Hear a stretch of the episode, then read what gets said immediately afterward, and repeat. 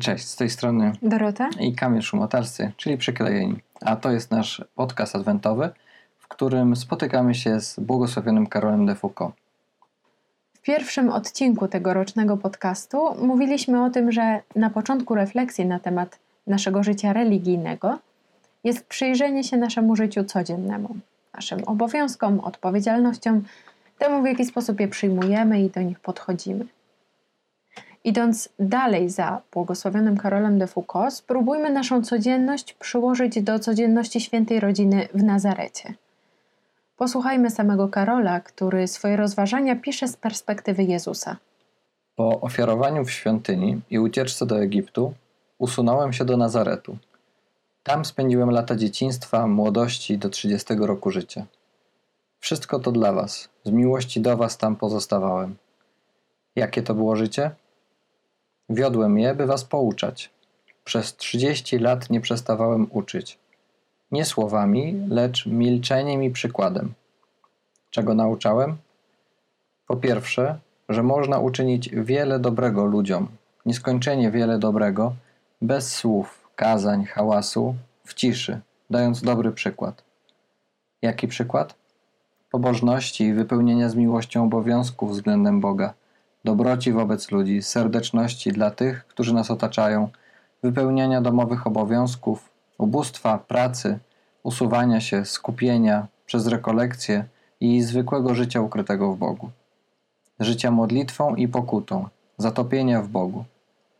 Uczę Was życia z pracy rąk, aby nie być nikomu ciężarem i mieć z czego dawać ubogim. Dałem niezwykłe piękno takiemu życiu i możność naśladowania go. Dobrym podsumowaniem słów błogosławionego Karola jest jedno zdanie świętego Franciszka z Asyżu, który mówił: Zawsze głoście Ewangelię, a gdyby okazało się to konieczne, także słowami. Karol daje nam tu konkretne przykłady, co to znaczy głosić Ewangelię. Dawać przykład pobożności, na przykład przez znak krzyża przed jedzeniem w restauracji czy w bufecie, przez noszenie symboli religijnych, krzyżyka, medalika, bransoletki z różańcem. Możemy dawać przykład przez wypełnianie obowiązków względem Boga z miłością. To może być świadectwo dla braci wierzących, kiedy z miłością przeżywamy mszę świętą, z miłością odmawiamy różaniec na spacerze i dla naszej rodziny, kiedy z miłością modlimy się przed snem. Głoszenie to dobroć i serdeczność dla wszystkich, którzy nas otaczają, szczególnie zaś dla tych, którzy nie wierzą albo nie zgadzają się z nami. Błogosławiony Karol pisze także, że głoszenie Ewangelii to usuwanie się i skupienie. To ważny punkt. Oznacza to, że nasze życie duchowe nie będzie się rozwijać, kiedy po prostu będziemy nieco bardziej świadomie przeżywać swoją codzienność. Bo kiedy przez lata małżeństwo ze sobą nie rozmawia, śmiało możemy obstawiać, że prędzej czy później skończy się to ratowaniem związku na terapii lub po prostu rozejściem. Nie ma mocnych na brak relacji czy brak kontaktu. Podobnie z wiarą.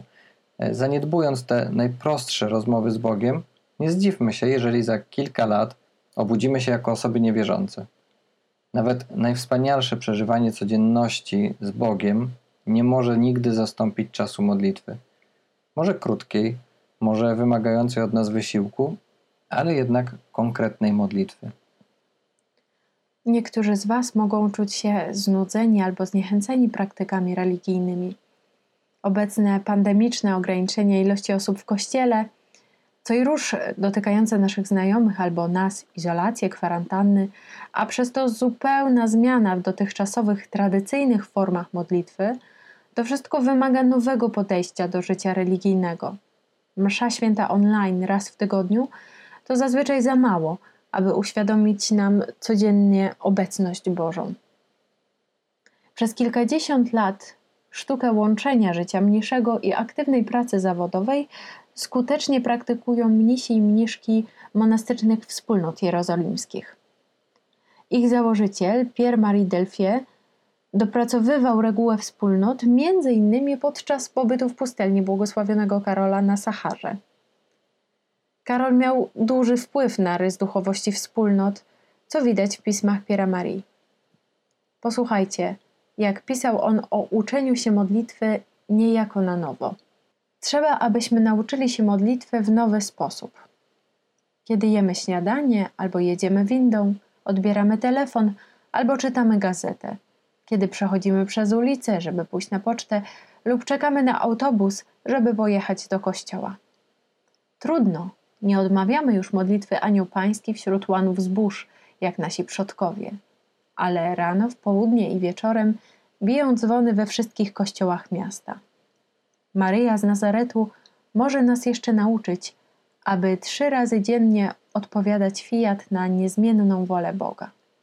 Znacie pewnie prawdę, że życie duchowe nie znosi pustki. To hasło mocno wyświechtane, używane zazwyczaj w kontekście osób niewierzących, które porzucając wiarę, próbują w inny sposób zaspokajać swoje duchowe potrzeby. Ale warto to zdanie potraktować poważnie w stosunku do samego siebie. Pierwszym miejscem, które powinniśmy wziąć na warsztat, są nasze myśli. Jak często, niezależnie od tego, co robimy, pojawia się w nich Bóg. Czy pamiętamy o prostej praktyce aktów strzelistych? Karol zwraca mocno uwagę właśnie na ten aspekt. Pisze tak: W czasie przeznaczonym na inne sprawy niż modlitwa, wznoście wzrok duszy ku mnie tak często i z taką miłością, jak tylko możecie. Jeśli możecie, w zależności od rodzaju pracy, zachowujcie w pamięci myśl o mnie. W ten sposób będziecie modlić się bezustannie. Te słowa Karol pisze z perspektywy Jezusa, mówiąc y, o tym, żeby ciągle o nim pamiętać w ciągu dnia. E, Karol zresztą często też zachęcał do częstej komunii duchowej w ciągu dnia. E, nasz znajomy, kiedy był przez y, jakiś czas u e, trapistów z klasztoru w Nowym Dworze w Czechach, opowiedział nam, że mnisi mają tam taką praktykę, że podczas pracy w polu czy w lesie szukają e, czasu na chwilę duchowej lektury. W ciągu pracy nagle ją przerywają, podchodzą do jakiegoś pienika i on nagle patrzy, a mnich siedzi z małym Pismem Świętym i czyta jakiś psalm albo fragment Ewangelii, albo po prostu jakiś fragment e, Pisma Świętego. E, po czym go odkłada i wraca do pracy.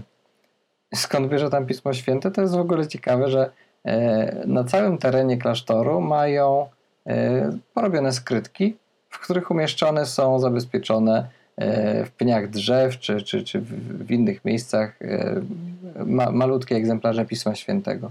A to jest bardzo fajny przykład, który pokazuje, jak w tym codziennym, wśród codziennych obowiązków, na chwilę chociaż oderwać się od tego, co robimy i oderwać nasze myśli od, od tych przyziemnych spraw w stronę Pana Boga. E, oddajmy tutaj jeszcze na chwilę głos założycielowi wspólnot jerozolimskich, który o modlitwie, e, właśnie takiej modlitwie nieustannej, pisał w taki sposób. Modlitwa nie jest tylko mistycznym wzlotem we wnętrzu człowieka. Jest konkretnie obecna w całym naszym życiu. To jest kontemplacja. Niech więc modlitwa będzie obecna w naszym życiu, a wówczas całe stanie się ono modlitwą. W sercu miast, w świecie, wśród ludzi – zawsze możemy spotkać Boga, a wtedy otworzy się przed nami droga nieustannej modlitwy. Zaczęliśmy podcast adwentowy od tego, żeby spojrzeć na swoją codzienność, e, spojrzeć na swoje obowiązki. Drugi odcinek poświęcony jest modlitwie, konkretnej modlitwie, na którą trzeba znaleźć czas w ciągu dnia, ale też modlitwie, która jest nieustanna, czyli modlitwie podczas obowiązków, wznoszeniu myśli do Boga, akty strzeliste, komunia duchowa. E, to wszystko ma służyć temu, żebyśmy formowali nasze serce do miłości, miłości Boga i miłości bliźniego. Więc naszym, naszą propozycją po tym podcaście dzisiejszym jest to, abyście napisali sobie na kartce E, jaka modlitwa konkretnie, y, czas na modlitwę jest dla Was y, dzisiaj możliwa? E, czy jest to modlitwa poranna, czy jest to modlitwa w nocy, czy jest to modlitwa e, w ciągu dnia, czy w autobusie, ale to ma być taki czas, kiedy się modlicie, tak? Kiedy nie przeglądacie w międzyczasie Instagrama, czy nie wskakujecie na Facebooka, tylko nie wiem, macie pół godziny drogi E, w autobusie i zawsze całkowicie ten czas możecie poświęcić na różaniec, w skupieniu. Jeżeli to jest dla Was tylko jedyna opcja modlitwy, to łapcie za nią i uczyńcie takie postanowienie, że tego tylko, ale tego aż będziecie się trzymać. Niech zostanie to zapisane a, i tą kartkę miejcie gdzieś przed oczami, żeby taki rachunek sumienia z tej praktyki modlitewnej robić każdego dnia, z tej jednej praktyki. Jeden z najbardziej znanych zakonników y, współczesnych czasów, Thomas Merton, mówił, że największą chorobą naszych czasów jest choroba efektywności, że wszystko, co robimy, musi dać się podsumować, podliczyć, dać włożyć w jakąś tabelkę i że każdy moment naszego życia musi być y, w jakiś sposób produktywny. I czas naszej modlitwy może nie będzie czasem super produktywności, kiedy będziemy mogli go przeliczyć na jakieś efekty widoczne gołym okiem, ale warto ten czas e, rzeczywiście potraktować trochę w taki sposób, żeby go nie stracić, żeby on przyniósł jak najwięcej korzyści duchowych dla nas. I żyjemy w takich czasach, kiedy możemy wykorzystać współczesne technologie też do tego, żeby tą modlitwę ze sobą łapać. E, I mamy do dyspozycji takie, choćby takie aplikacje jak Modlitwa w drodze, e, którą kiedy dostajemy na każdy dzień 10 czy 5 minutowe krótkie rozważania na temat Ewangelii z dnia, e, czy mamy brewiarz w telefonie, mamy całe Pismo Święte w telefonie. E, możemy zrobić sobie zdjęcia nawet fragmentu Pisma Świętego danego dnia i po prostu do niego wracać, ustawiając je sobie na, na tapecie telefonu i tak dalej, i tak dalej. E, warto z tego wszystkiego korzystać właśnie po to, żeby w ciągu dnia sięgając po telefon i patrząc nawet, która jest godzina, przy okazji móc na przykład zobaczyć jakieś zdanie z Ewangelii, które tego dnia będzie nam nieustannie stawało przed oczami. Bardzo dziękujemy Wam za ciepłe przyjęcie naszego tegorocznego podcastu adwentowego. Yy, ogromnie cenne są dla nas yy, Wasze komentarze. Zachęcają nas do tego, żeby zarywać noce i pracować dla Was. Yy, naprawdę poświęcamy czas na to, żeby przejrzeć lektury i zapoznać się z nimi y, głębiej, odsiewając jakiś konkretny temat. E, staramy się, żeby to było dla Was ubogacające. E, w międzyczasie wydarzyło się też coś dla nas bardzo pięknego. Spełniliśmy nasze małe marzenie o sklepie z naszym domowym rękodziełem. To szczególnie dla mnie było ważne, ponieważ brakowało mi odwagi do tej pory, e, żeby tworzyć, żeby pokazywać cokolwiek. E, a dużo z Was właśnie pisało, że, że są to rzeczy cenne i ładne. Także zaistniał sklepik przyklejonych. Mm, I ten sklepik składa się z rzeczy, które właśnie powstają u, nas w domu albo w naszej rodzinie w domu. I mówimy Wam też o tym e, z dwóch względów. Pierwsza jest taka, że ten sklep bardzo mocno współgra z tym, e, o czym tutaj od dawna Wam mówimy, czyli o tym, żeby e, właśnie otaczać się rzeczami, które będą nam przypominać o Bogu obecnym w codzienności. I rzeczy, które znajdują się w naszym sklepie, w większości są rzeczami, które mają w jakiś sposób w naszym domu pokazywać nam, że Pan Bóg jest obecny w tej naszej zwykłej codzienności. A druga rzecz, dlaczego o tym wspominamy? E, jak, jak wiecie i pewnie widzieliście, nie uruchomiliśmy nigdzie, nigdy naszego Patronite'a, nie uruchomiliśmy żadnego, e, żadnych kanałów wsparcia. E, I ten sklep, jeżeli macie taką chęć, ochotę, jest taką właśnie przestrzenią, w której możecie wesprzeć to, co robimy, naszą działalność tutaj podcastową, naszą działalność też na, na innych polach i dorzucić swoją cegiełkę do, do tego głoszenia, które, które dzieje się za pośrednictwem przyklejonych. Do usłyszenia za tydzień.